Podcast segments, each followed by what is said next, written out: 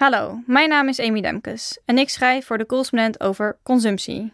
Want of het nu gaat over de spijkerbroeken die we dragen, de chocolade die we eten of de telefoons die we gebruiken, de manier waarop we die produceren en consumeren moet veranderen, willen we onze planeet leefbaar houden en rechtvaardiger maken. Ik onderzoek daarom voor de correspondent wat rechtvaardige consumptie betekent. Het verhaal dat ik vandaag ga voorlezen speelt zich af op een boerderij gelegen in de rivierdelta van de IJssel en de Rijn. Hier op een zonnige zomeravond in augustus sprak ik met Pascal Gatse. Samen met een groep mensen werkt zij hier aan het opzetten van een lokale linnenproductieketen, waarbij het niet draait om geld, maar om het welzijn van de betrokken mensen en de aarde waar ze afhankelijk van zijn. Lukt het ze om dit levensvatbaar te maken? Ik wens je veel luisterplezier. Het heeft lang geduurd voor ik het idee kon loslaten dat ik de eenzame geniale ontwerper moest zijn, zegt Pascal Gatse, terwijl het natte gras tegen onze blote voeten plakt en zachtjes onze tenen kriebelt. Het is een warme zomeravond in augustus. We staren naar de grond. Voor ons liggen twee rijen met bruin-gele stengels van zo'n 60 centimeter lang. De wortels er nog aan. Het vlas schittert in de avondzon. De rust die ze hier op het Weidse land vindt, staat in schril contrast met de wereld waaruit Gatse komt. Een wereld vol fletse, kunstmatige lichten. Van zien en gezien worden. Van competitie, van vluchtigheid. En vooral van meer. Meer collecties, meer geld. Ik was volledig ingenomen door een narcistisch, op geld gedreven systeem, waarin ik continu het gevoel had dat ik mezelf moest bewijzen, vertelt de 53-jarige modeontwerper, kunstenaar en docent. Na acht jaar alleen maar gewerkt te hebben, stort ze op haar 29ste in. Haar lichaam weigert nog langer kleding te maken. Mentaal en fysiek is ze op. Het betekent het einde van haar succesvolle carrière als modeontwerper. Maar het is ook het begin van een jarenlange zoektocht naar een manier van werken waar ze wel gelukkig van wordt. Een zoektocht die niet draait om geld, maar om het welzijn van mensen, de planeet, maar ook haarzelf. In feite gaat die zoektocht van Gatse over de vraag of er een alternatief is voor het kapitalisme en hoe zo'n ander economisch systeem eruit kan zien. De inzichten die ze daarover opdeed komen samen op het veldje waarop we nu staan, met de rijen dunne stengels voor ons. Het idee om in Nederland vlas te gaan verbouwen en er textiel van te maken, linnen om precies te zijn, ontstond in 2018.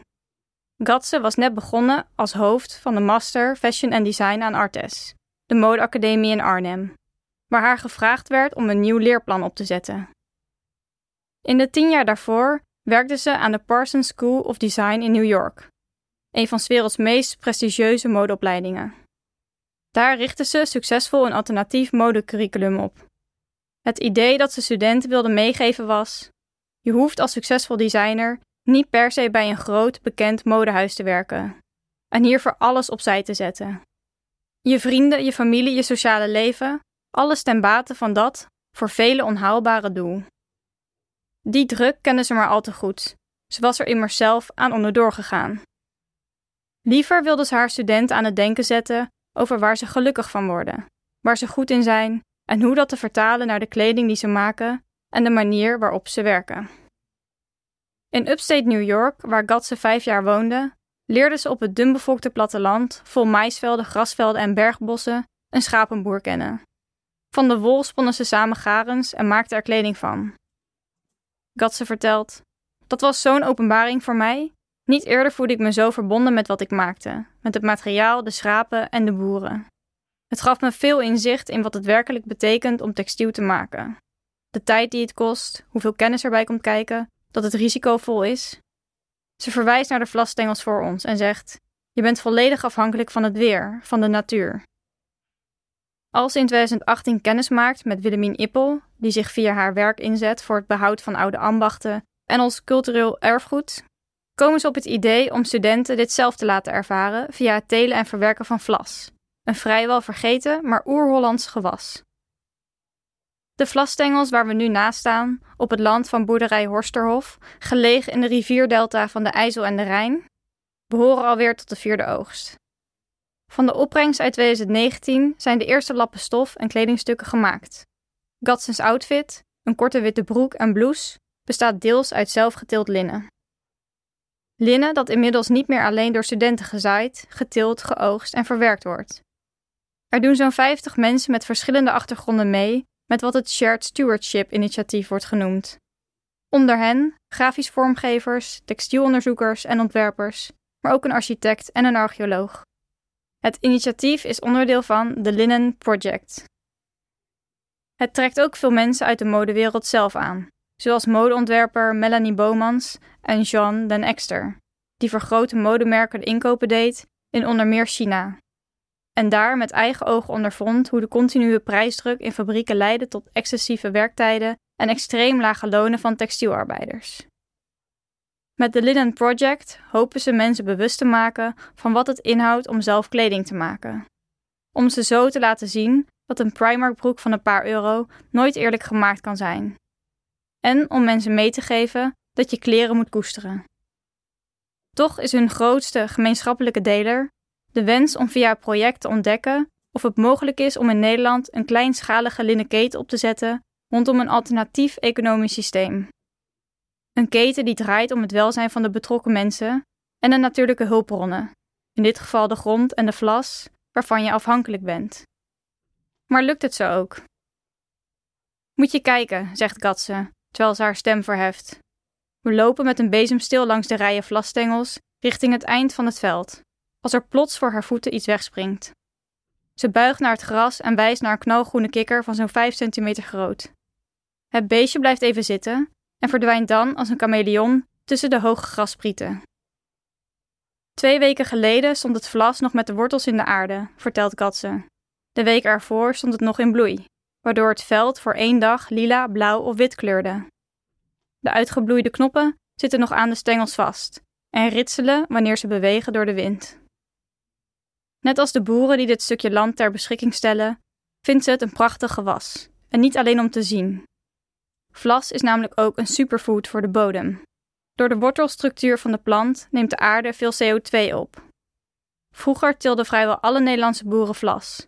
Naast wol was het lange tijd de primaire bron van textielvezels in Nederland. Nu liggen de afgestorven stengels, na 100 dagen in de grond te hebben gestaan, te roten op het land. Het samenspel van het vocht uit regen en dauw, in combinatie met de droogkracht van de zon, maakt dat de houtige structuur van de stengels langzaamaan wordt afgebroken en de bruikbare vlasvezel overblijft. Het luistert nauw. Laat je de stengels te lang liggen, dan loop je het risico dat ook de vezel wordt afgebroken. Ben je te snel, dan is er nog te veel hout aanwezig, waardoor de vlasvezel lastig te verwerken is en minder mooie stof oplevert. In overleg met de boer, want het blijft een leerproces, omdat de groei en het oogst elk jaar weer anders verloopt, heeft Gatse net besloten dat het tijd is om de stengels te draaien. Door het natte gras roten de onderkanten van de stengels sneller dan de top. Voor een egale roting moeten ze regelmatig gedraaid worden. Gatse doet het voor. Gehurkt schuift ze de bezemstil iets boven het middelste deel van de stengels door en tilt met één beweging een rij van een meter vlas omhoog en klapt ze om, zodat ze op de andere zijde op de grond terechtkomen. Het is een van de precairste dingen aan vlastilt, legt ze uit. Voor het rotingsproces ben je sterk afhankelijk van het weer, en dus heb je het resultaat van de oogst niet zelf in de hand. In 2019, het eerste oogstjaar van de Linen Project, waren de omstandigheden goed. Niet te droog, niet te nat. De opbrengst was hoog, de kwaliteit van het linnen was top. Maar in 2020 was het extreem droog. Het jaar daarop veel te nat. Die weerscondities zijn terug te zien in de kwaliteit van de stof. Textiel uit het ene jaar is wat geler, doffer, dikker en stugger. De ander wat glansrijker, dunner en fijner. Het laat zien hoe onvoorspelbaar en daarmee risicovol landbouw is. Het betekent dat je doorgaans als boer van tevoren kosten moet maken. De aanschaf van machines, het inkopen van zaden, het bewerken van het land, terwijl je niet weet hoe de oogst dat jaar zal uitvallen, van welke kwaliteit die zal zijn en in het verlengde daarvan hoeveel het je zal opbrengen. En niet alleen als boer, ook als kledingfabrikant heb je te maken met financiële risico's, die veelal niet gelijk gedeeld worden door de productieketen heen, maar zoveel mogelijk worden doorgeschoven tot het bij de zwakste schakel terechtkomt. Het is een van de oorzaken van veel sociale en milieuproblemen in productieketens als die van textiel. Via het Shared Stewardship initiatief pakken ze het hier anders aan. Alle 50 deelnemers, stewards genoemd, delen de risico's en opbrengsten en hebben daarmee ook evenveel zeggenschap. Gatse zegt: We stellen gezamenlijk prioriteiten, maken beslissingen en helpen mee op het land. Daarmee neemt het project de vorm aan van een werknemerscoöperatie. Een platte organisatie waarbij alle leden zowel eigenaar als werknemer van het bedrijf zijn. Er is geen directie of management. De leden samen beslissen over de koers van de onderneming. In tegenstelling tot de meeste andere bedrijven werken ze niet met shareholders, maar met stakeholders. Ik heb het altijd bizar gevonden dat je mensen zeggenschap geeft over je bedrijf, terwijl ze er zelf niet eens in werken, zegt Katze. Ze kwam zelf in aanraking met deze werkwijze toen ze na haar breakdown bij het Baskische Mondragon terechtkwam, een van de grootste federaties van coöperaties ter wereld. Mondragon telt 80.000 leden en wordt genoemd als een al decennia florerend alternatief voor het kapitalisme. Gatse zag hierin dat er een manier van werken bestaat die niet draait om groeiende winstpercentages, maar over persoonlijke ontwikkeling en samenwerking. Samen met twee andere ontwerpers in New York richtten ze Friends of Light op, waar ze geweven jassen maakten van lokaal geproduceerde wol. Het betekende een nieuwe bron van inkomsten. Gatse. Voor het eerst dacht ik weer een echt bedrijf te kunnen zijn, omdat het dan ten goede komt aan een groep mensen. Het klinkt als een win-win-win situatie. Maar lukt het ze om de Linen Project levensvatbaar te maken? Voor Gatse is die vraag niet zo relevant. Ze zegt: Het gaat ons niet om het resultaat. We hoeven niet over een jaar 10.000 meter stof te hebben liggen. We doen wat tijdens het proces goed voelt om te doen. Anders gaan we mee in het huidige resultaatgerichte economische systeem. Het betekent wel dat de kosten van het pachten van de grond, de zaden en het inschakelen van tiltexpertise nu grotendeels gedekt worden door subsidies.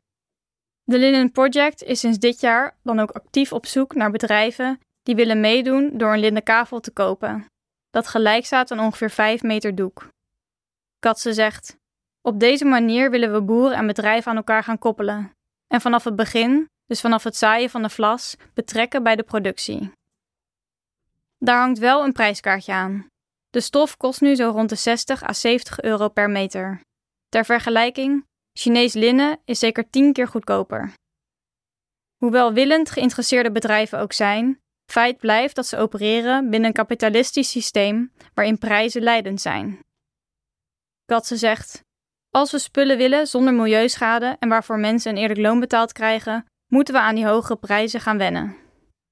Met het project hoopt ze, hopen ze, inzichtelijk te maken wat lokale rechtvaardige productie nu echt kost.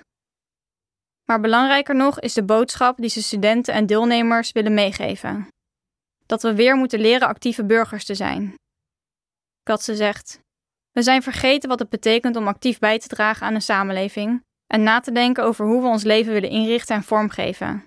Ik hoop dat mensen inzien dat we samen kunnen komen tot nieuwe systemen en herdefiniëren waar het in onze economie, onze samenleving om zou moeten draaien. Het is de missie van de correspondent om voorbij de waan van de dag te gaan. Onze correspondenten voorzien het nieuws van context en schrijven over de grote thema's van deze tijd. De correspondent geeft me de vrijheid om mijn nieuwsgierigheid te volgen en de tijd om verhalen te schrijven. En zo probeer ik onzichtbare structuren zichtbaar te maken en een andere kijk te bieden op debatten die het nieuws domineren. Dan gaat het minder over het spelletje en veel meer over wat er op het spel staat. Vanaf dag 1 zijn onze artikelen, boeken en podcasts gefinancierd door onze leden. Volg ons op onze journalistieke zoektocht. Overweeg eens lid te worden van de correspondent. En maak daarmee samen met ruim 70.000 anderen onze onafhankelijke journalistiek mogelijk. Dus word lid van de correspondent. Ja. Word lid. Word lid.